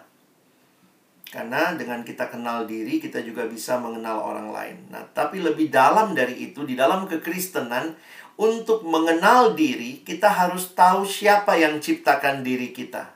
Berarti kita harus kenal Tuhan. Makanya Calvin sendiri bilang, aku waktu kenal Tuhan, aku makin kenal diriku. Waktu aku makin kenal diriku, aku makin yakin tentang siapa Tuhan. Nah, jadi saya harus ingatkan untuk memulai relasi, kamu harus uh, kenal dirimu, kenal Tuhan yang menciptakan kamu, dan saya pikir itu modal paling awal. Yang lain-lain itu sebenarnya modal kemanusiaan kita lah. Ya, misalnya kita belajar berkomunikasi, kita belajar menyatakan perasaan. Nah, itu kan e, beberapa anak persekutuan juga kayak aku bingung bang mau majunya gimana ngomongnya apa? Kalau di depan dia aku keluh gitu ya nggak bisa ngomong. Ya itu kan mesti dipelajari. Kadang-kadang saya ajarin adik-adik kelompok saya gimana cara nembak cewek gitu ya. Kadang-kadang ngajarin juga cewek bagaimana nolak cowok. Karena kan ada cowok juga yang maju nggak tau malu maju terus padahal udah ditolak gitu ya. Nah itu jadi kadang-kadang itu kan skill hidup ya. Tapi jauh dari itu yang paling dasar adalah kamu kenal dirimu karena kamu kenal siapa yang cipta kamu saya pikir itu Oke, terima kasih bang. Mm -hmm. Ke pertanyaan selanjutnya, ini uh, bang kalau dari empat aspek yang perlu dipertimbangkan mm -hmm. aspek kedua sama keempatnya sudah sangat sesuai tapi justru kurang ada perasaan apa yang harus dilakukan nah ini menarik nih kira-kira kalau perjodohan ada perasaan nggak perjodohan tuh alkitabiah nggak alkitabiah loh di alkitab semua perjodohan makanya sebenarnya Alkitab itu lebih mendukung ta'aruf ya. ya karena memang logikanya dalam budaya Yahudi waktu itu yang juga banyak diteladani budaya Arab begitu ya. Nggak ada tuh uh, kenal dekat tapi waktu itu kalau kenal dekat itu sudah dalam konteks pertunangan. Nah, kalau ditanya gitu ya, lalu uh, kita nggak punya perasaan, teman-teman percaya nggak sih perasaan tuh bisa tumbuh loh? Jadi kalau saya meyakininya begini ya, ini saya beberapa kali sebenarnya saya sama istri menolong misalnya orang yang ya saya ketawa sih ada beberapa adik KTB saya begitu bilangnya. Bang, dia jelas anak Tuhan, baik anaknya. Tapi gue nggak ada perasaan sama dia. Nah ini cewek yang ngomong. Nah waktu itu saya ingat ketemu sama adik KTB saya ini saya bilang, boleh nggak kasih waktu untuk kenal. Karena saya sangat yakin perasaan itu tumbuh. Nah, kalian dibesarkan dalam konteks dapat dulu perasaannya, baru mau jalan. Nah, ini yang saya juga pikir nggak gitu deh. Nggak selamanya seperti itu. Terus kamu bilang, ih bang, kalau gitu gue menjalani tanpa punya perasaannya. Nggak gitu juga. Perasaan itu salah satunya bisa tumbuh. Karena apa? Begini loh di dalam pernikahan, kalau pernikahan itu dibangun hanya dasar perasaan, hari ini istri saya, saya senang dia hari ini dia masakin saya, senang saya. Besok tiba-tiba dia nggak masakin saya. Perasaan saya hari ini kesel sama dia. Terus apakah selesai? Kalau hubungan itu bergantung perasaan, itu sangat shallow, sangat dangkal. Makanya di dalam kekristenan hubungan itu didasari kepada komitmen. Perhatikan ya. Hubungan kita didasari pada komitmen. Nah, yang menariknya adalah apa? Komitmennya dibangun. Ketika ada komitmen, maka kita kemudian mulai membangun perasaan. Dan itu membangunnya seumur hidup loh. Jadi jangan berpikir sekarang kamu cinta dapat perasaannya, besok terus akan dapat. Enggak. Perasaan itu berubah-ubah. Makanya kehidupan pernikahan tidak dibangun atas dasar perasaan, tapi atas dasar komitmen. Lihat bapak mamamu. Kalau berdasarkan perasaan, sudah cerai lama kali hari ini berantem. Kau kentutnya busuk kali. Kau begini, kau begini. Ah, aku kesel sama bapakmu. Aku kesel sama mamamu kayak begini. Kalau perasaan jadi ukuran, udah banyak rumah tangga bubar, rumah tangga Kristen. Tapi kita bukan perasaan saja, tapi komitmen. Nah, di dalam komitmen itu, bangunlah perasaan itu. Kalau kamu misalnya sudah jalani, coba kenal, memang nggak dapat perasaannya, oke okay lah ya tapi kamu kasih waktu dulu. Wah, waktu saya bilang begitu, adik itu bilang susah bang, tapi dia jalani. eh, tiga bulan dia jalani, doa sama dengan abang itu, sekarang menikah. Lagi hamil. Karena dia bilang, iya ya bang, Tuhan kasih juga perasaan itu. Uh, jadi jangan hati-hati ya dengan perasaan ya. Dan kalau sudah menikah pun ingat, itu perjuangan kita adalah terus membangun perasaan. Makanya ada kalimat indahnya gini. Jatuh cinta itu mudah. Yang sulit itu bangun cinta. Terus harus dibangun tiap hari. Terus harus dibangun. Kira-kira begitu. Oke, terima kasih Bang. E, pertanyaan selanjutnya. Bang, boleh nggak sih mendoakan seseorang secara spesifik nama padahal tidak ada apa-apa? Atau sebaiknya mendoakan pasangan hidup di masa depan aja ya bang biar nggak salah sasaran? Apa yang kamu maksud dengan nggak ada apa-apa? Kayaknya karena ini pertanyaan generasimu nggak ada perasaan bang. Cuman karena dia Kristen aja dan cantik sih menurut teman-teman. Dia Kristen aja ganteng sih. Di di di PMK dia kalau aku lihat dia mimpin karismanya ada lah. Tapi nggak nggak ada perasaan. Ya mungkin itu yang kamu rasakan ya. Kalau saya bilangnya gini ya nggak usah terlalu diteorisasi lah ya. Bahwa ya doa doa lah. Waktu masuk stan kamu doanya sespesifik apa sih ingat lagi misalnya doamu waktu SMP lah, jangan jangan waktu SMA. Kalau SMA mungkin udah Tuhan berikan stand. Waktu SMP mungkin Tuhan nanti aku mau kuliah juga ya. Jadi mungkin cuma mintanya kuliah gitu. Nah, tapi kuliah di mana seiring berjalannya waktu, kadang-kadang Tuhan aku mau UI dong. Ah, terus dua minggu lagi kayaknya stand deh. Ah, kayaknya bagusan STIS deh. Ah, kayaknya bagusan IPDN lah. Jadi kadang-kadang kita sendiri juga masih berubah-ubah. Bagi saya doa itu menyatakan kita masuk dan serius dengan pergumulan itu. Jadi bagi saya mungkin lebih lebih kuatnya seperti itu. Nah, nanti kalau buat teman-teman yang berdoa begini, nanti kita masuk lebih jauh soal etika. Saya secara pribadi mengatakan bahwa hidup itu harus ada aturannya, ada etikanya. Jadi etika itu kan kadang-kadang bukan masalah hanya benar salah, tetapi apakah benar pada saat itu? Jadi, sebagai contoh, ini buat yang laki-laki ya. Ada yang bilang, bagaimana bang? Saya laki-laki kan, mana yang tepat? Saya doakan semua perempuan. Jadi dia punya sistem begini. Tebar pesona dulu, tebar pesona, tebar, tebar, tebar, tebar pesona. Orang mulai suka sama dia, nanti dia tinggal seleksi yang mana ya, yang mana ya. Jadi polanya adalah koleksi lalu seleksi. Jadi bisa tuh satu minggu tuh lima cewek dia perhatikan. Lima-limanya dia perhatikan dengan intens. Nanti dia lihat yang respon inilah kira-kira jawabannya. Ada orang laki-laki yang polanya begitu. Nah, buat saya ini nggak sopan. Ya, khususnya karena laki-laki kita yang biasanya di budaya kita yang maju duluan, saya berpikir sebagai orang Kristen mungkin lebih baik kamu doakan dan fokus kepada satu orang. Kasih batas waktu. Kalau dalam batas waktu itu kamu rasa kayaknya responnya kurang baik, mah barulah kamu mulai lagi pindah ke yang lain. Jadi jangan kayak kayak orang ngelamar kerja kirim lamaran ke 500 perusahaan. Nanti untung-untungan lah siapa yang manggil. Bagi saya tuh nggak etis sih. Dan perempuan juga begitu. Jangan pada saat yang sama terima pendekatan 15 laki-laki.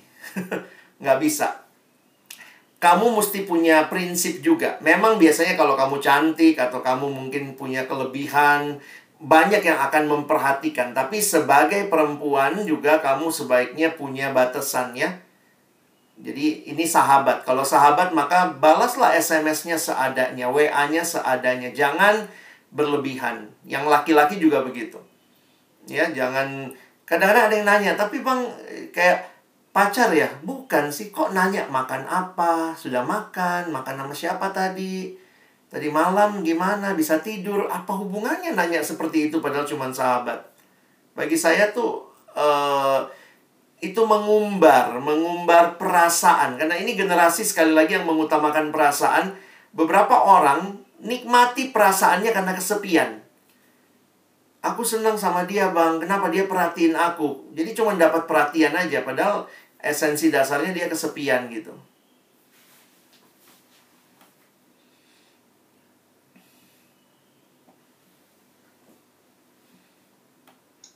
Oke, terima kasih bang. Ya. Uh, ini ada lagi bang, ini ada dua pertanyaan yang hampir mirip. Iya. Uh, bang, kakak-kakakku ada yang suka dengan perempuan Katolik.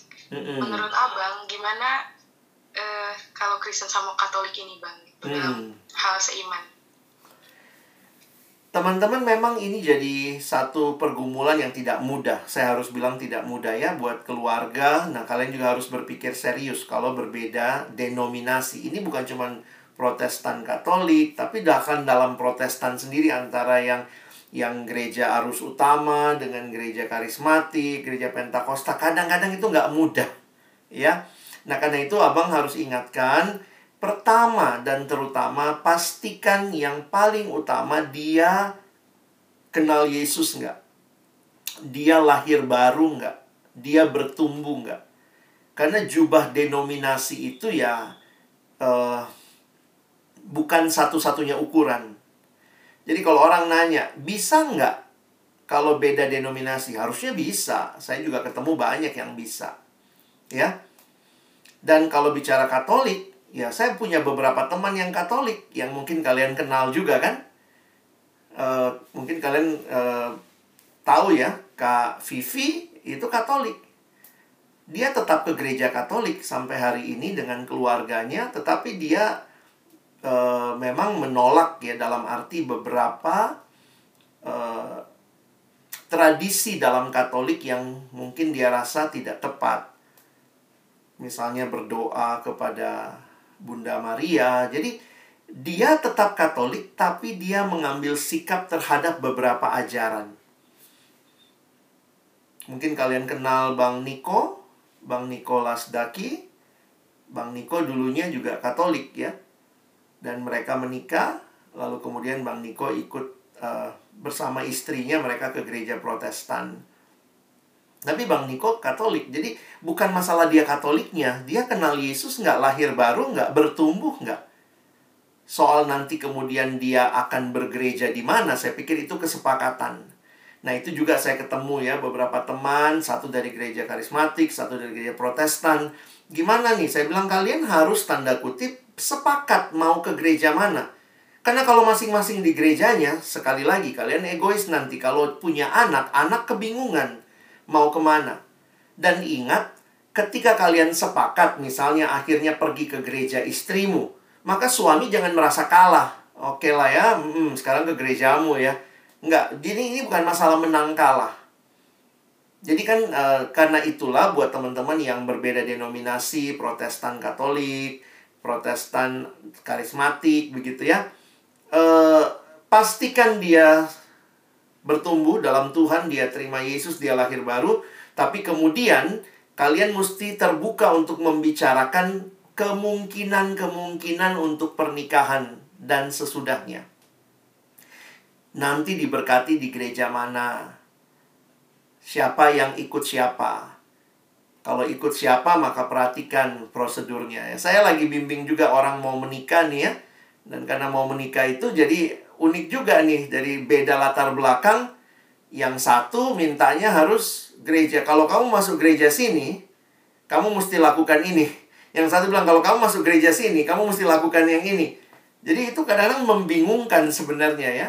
Nah, di situlah saya pikir kita mesti realistis. Tapi kalau ditanya bisa, bisa. Nggak ada halangan sejauh dia bertumbuh dalam Tuhan, dia kenal Tuhan sungguh-sungguh.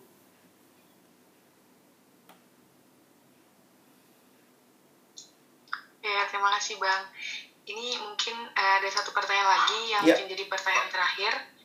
Eh, bang, gimana ya kalau udah terlanjur melakukan hal bodoh saat pacaran dulu? Oh, mungkin disatuin sama yang ini Bang. Mm-mm. Nah, ada yang juga yang nanya, kalau hanya berciuman, apakah berarti itu diperbolehkan Bang? Keintiman di dalam berpacaran, saya harus katakan sebaiknya dibatasi. Sentuhan fisik sedapat mungkin yang paling minimal. Eh, dalam pengalaman, ciuman itu jadi jalan masuk untuk melakukan lebih jauh. Karena apa? Karena memang sekali lagi yang abang bilang tadi ya, Tuhan menciptakan kita manusia dengan saraf-saraf kenikmatan. Termasuk di sekitar bibir yang tadi saya bilang gitu ya. Jadi itu sesuatu yang tanda kutip akan membuat kita ingin lagi. Ya. Nah, bayangkan kalau kamu lakukan itu maka jarang sih ya. Saya harus katakan jarang tuh yang lakukan itu cuma sekali. kalau mau jujur gitu ya, kalau udah pernah ciuman pasti agak nagih tuh, minta lagi, minta lagi. Apalagi kalau sudah masuk lagi ke dalam sentuhan fisik yang lain atau mungkin masuk lebih dalam lagi saling merangsang. Nah, sehingga nggak tahu nih hal bodoh apa yang dilakukannya yang tadi dikatakan. Nah, bagi saya, kalau itu kalian hadapi sebagai pasangan ya, melihat bahwa ini ternyata terus terulang, maka cari pertolongan sih. Cari pertolongan orang yang bisa mengawasi pacaranmu. Tapi itu pun juga harus ada tanggung jawab dari kalian karena balik lagi nih ya, mau menikah umur berapa ya? Kalau kamu dalam pacaran sekarang terbiasa seperti itu, saya yakin kalian tidak akan menikah 1-2 tahun ke depan kan? Pasti masih sekolah ya, masih kuliah. Anggaplah kalian menikah, mintanya menikah umur 27 yang perempuan atau mungkin yang laki-laki mungkin lebih rata-rata lebih tua mintanya. Saya menikah 28 lah bang atau 29 udah udah ngumpul tuh sinamot ya. Kalau baru 25 langsung menikah belum ngumpul sinamotnya. Maka bayangkan saya masih akan menikah misalnya tiga tahun lagi dan sekarang saya sudah pacaran dalam ketidakkudusan. Mesti cari cara. Kalau ternyata saya tidak bisa menahan diri, tiap kali ketemu jatuh dalam dosa, tiap kali ketemu jatuh dalam dosa, saya anjurkan putus. Putus dulu lah. Kalau memang dia dari Tuhan akan ketemu lagi kok kalian. Jadi kalau kalian tidak sanggup mengatasi itu daripada jatuh terus dalam ketidakkudusan, eh, lebih baik putus.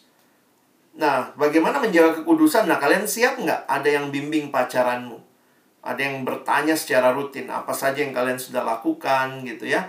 Dan belajar untuk pacaran di tempat-tempat yang kalian bisa pertanggungjawabkan. Jangan di kamar, jangan di kosan. Jadi itu mesti punya self-discipline yang tinggi.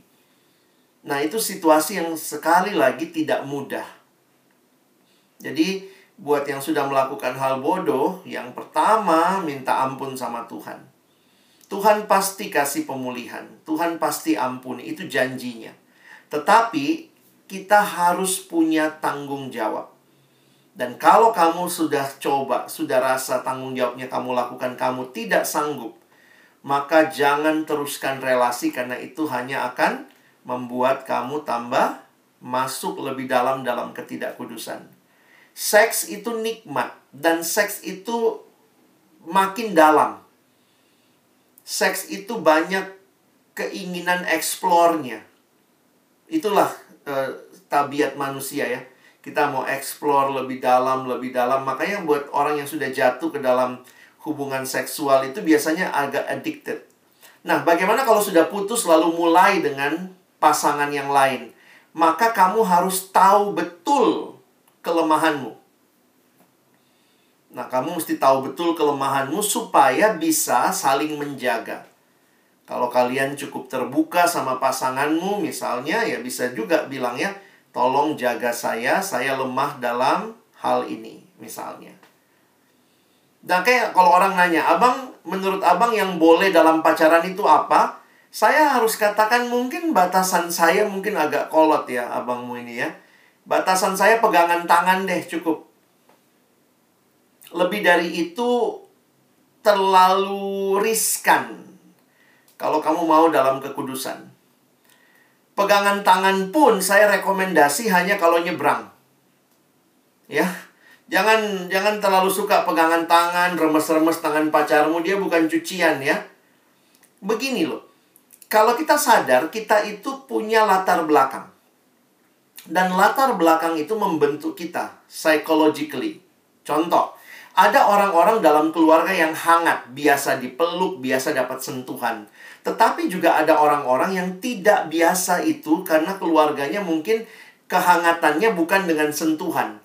Nah, bayangkan kalau pacaran dan kita tidak kenal diri masing-masing, yang satu menyentuh karena merasa biasa, yang satu sudah korslet.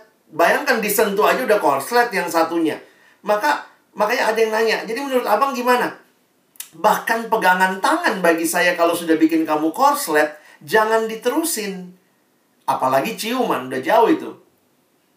Makanya waktu itu orang nanya sama saya gitu, Abang waktu pacaran sama kakak gimana ya? Kalian bisa tanya lah sama kakak ya. Tapi waktu saya pacaran tuh saya bilang sama dia, saya bilang saya ini hamba Tuhan, tapi saya juga manusia yang punya nafsu. Nafsu itu dari Tuhan loh teman-teman yang Alkitab bilang nggak boleh hawa nafsu. Tapi Alkitab bicara tentang nafsu. Nafsu seks kita butuh nggak? Ya butuh lah. Ada anak kirim email sama saya, Bang Alex, saya kenapa ya kalau lihat gambar porno, dia laki-laki, cewek yang seksi-seksi, bajunya agak ketat. Kenapa saya terangsang ya bang? Dia kirim email ke saya pulang retret. Saya balas emailnya, puji Tuhan dek, kamu normal. Kalau kamu tidak terangsang, ayo ikut saya ke dokter. Something wrong with you. Tapi yang saya tanyakan lebih jauh, ketika kamu terangsang, apa yang kamu lakukan? Mungkin itu yang bikin kamu jatuh dalam dosa. Kadang-kadang kan kita nggak bisa atur baju orang ya. Nggak boleh pakai, tutup semua bajunya, nggak boleh. Kita nggak bisa atur baju orang. Yang bisa kita atur tuh pikiran kita. Makanya saya bilang, waktu kamu lihat gambar seksi, apa yang kamu lakukan? Kamu alihkan supaya kamu nggak jatuh lebih jauh akhirnya membayangkan lalu kan dia laki-laki lalu kamu kemudian melakukan masturbasi. Nah itu yang bikin kamu jatuh dalam dosa. Tapi kalau kamu mengalihkan ya enggak. Tapi kalau kalau misalnya kamu lihat lalu kamu pelototin kamu renungkan kamu saat teduhin jatuh kamu dalam dosa gitu ya. Nggak bisa. Nah jadi saya bilang sama dia kamu harus tahu dirimu. Nah jadi teman-teman kenali diri kita. Jadi waktu itu saya bilang sama istri saya ya, ya waktu itu masih pacaran. Saya manusia biasa punya nafsu, jadi tolong saya peka sama sentuhan. Saya bilang tuh, karena satu waktu nih si kakak biasalah ya perempuan lagi jalan berdua, terus dia gelendotan di tangan saya, ya dipeluklah tangan saya gitu. Terus saya bilang, "Dek, lepasin." Apa sih abang ah, abang ah ya? Lepasin. saya gituin ya tapi dia terus gelendotan gitu saya bilang lepasin nggak gitu ya karena saya bilang kamu mau aman nggak ya karena saya tahu saya lemah gitu kalau kamu mau aman lepasin jadi kamu mesti tahu juga kelemahanmu Orang nanya, abang selama pacaran ciuman nggak? Saya cium istri saya waktu pacaran tuh tiga kali. Saya ciumnya cium pipi. Itu waktu dia ulang tahun. Dan di depan semua keluarga. Kami pacaran tiga tahun. Saya cium dia tiga, tak tiga kali waktu dia ulang tahun di depan orang banyak. Cuma itu. Abang pernah peluk kakak nggak? Pernah. Saya peluk dia lama sekali dalam perjalanan mengantar jenazah ayahnya dari rumah sakit sampai ke rumah duka. Cuma itu yang saya ingat saya peluk dia. Karena saya sadar betul itu dia butuh pelukan, dia butuh saya rangkul. Selain itu kalau kita berdua nggak ada tuh ya duduknya pasti hadap-hadapan. Jadi kita yang paling tahu lah jaga gitu. Jadi uh, makanya kesimpulan kakak terhadap saya abang nggak romantis waktu pacaran. ya emang saya nggak romantis ya. Saya bilang kalau mau romantis menikah kita. Kau mau apa aja boleh. Kau mau pegang aku seharian silahkan, aku milikmu. Tapi kalau masih pacaran, saya takut. Saya takut. Saya lemah. Saya sadar betul saya lemah. Ya jadi tolong, ini hal-hal yang penting ya. Saya nggak bilang saya sempurna. Pacaran kami pun banyak kegagalannya dalam arti saya kurang komunikasi dengan baik, saya terlalu sibuk pelayanan, tapi dalam kekudusan saya bersyukur Tuhan tolong juga. Saya sama kakak sepanjang pacaran tiga setengah tahun tidak pernah nonton bioskop. Karena kami takut itu tempat yang gelap dan ada kecenderungan kita pegang-pegangan gitu ya. Kita nggak mau lah.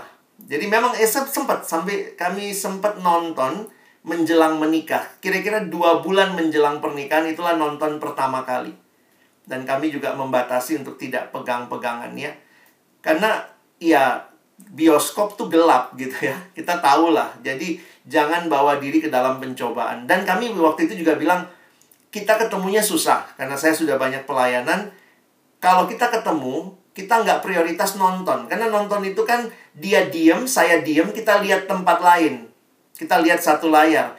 Saya lebih suka waktu pacaran itu ngobrol. Jadi kami selalu kalau pacaran itu ngobrol gitu ya. Bisa dua jam, tiga jam tuh ngobrol, cerita, tukar pikiran, tanya pendapat gitu. Jadi e, memang kami tidak memprioritaskan nonton dalam pacaran kami selain juga itu sesuatu yang agak menakutkan buat kami yang lemah ini. Oke, mungkin itu ya. Oke, terima kasih Bang. Sama-sama teman-teman yang mungkin pertanyaannya belum terjawab atau punya pertanyaan nanti boleh dicat uh, eh, PJ PKK-nya untuk nanti disampaikan ke Bang Alex. Yeah. Uh, terima kasih Bang Alex. Uh, mungkin sekarang bisa tutup KKPS-nya dalam doa Bang. Ya, mari kita berdoa. Tuhan kami lemah, kami terbatas, tapi kami juga bersyukur Engkau Allah kami yang kuat, yang menopang, memimpin hidup kami. Terima kasih untuk rekan-rekan, pemimpin-pemimpin kelompok kecil yang juga Tuhan tolong menyiapkan materi yang penting ini untuk dibagikan bagi adik-adik kelompok kami. Tapi mungkin juga pada saat yang sama ini kebutuhan dan pergumulan kami. Karena kami ada di dalam usia-usia yang begitu bergejolak dengan mungkin emosi kami, dengan hasrat-hasrat kami, dengan seluruh perkembangan hormon yang terjadi. Tetapi kami pun bersyukur karena firman-Mu adalah pelita bagi kaki kami dan terang bagi jalan kami. Firman-Mu menuntun kami menjadi naskah utama bagi kami menjalani hari-hari hidup kami. Karena itu kami mohon dalam anugerah-Mu kuatkan kami semua untuk pertama-tama mengalami setiap kebenaran, mengalami setiap uh, hal yang kami pahami malam ini dan akhirnya juga boleh menolong adik-adik kami untuk bisa dengan baik mempertanggungjawabkan relasi mereka khususnya dalam membangun relasi cinta di dalam kebenaran Tuhan.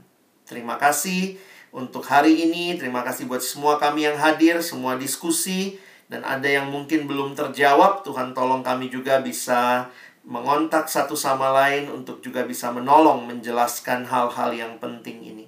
Kami bersyukur menutup pertemuan kami malam ini dalam nama Tuhan Yesus kami bersyukur, kami berdoa. Amin.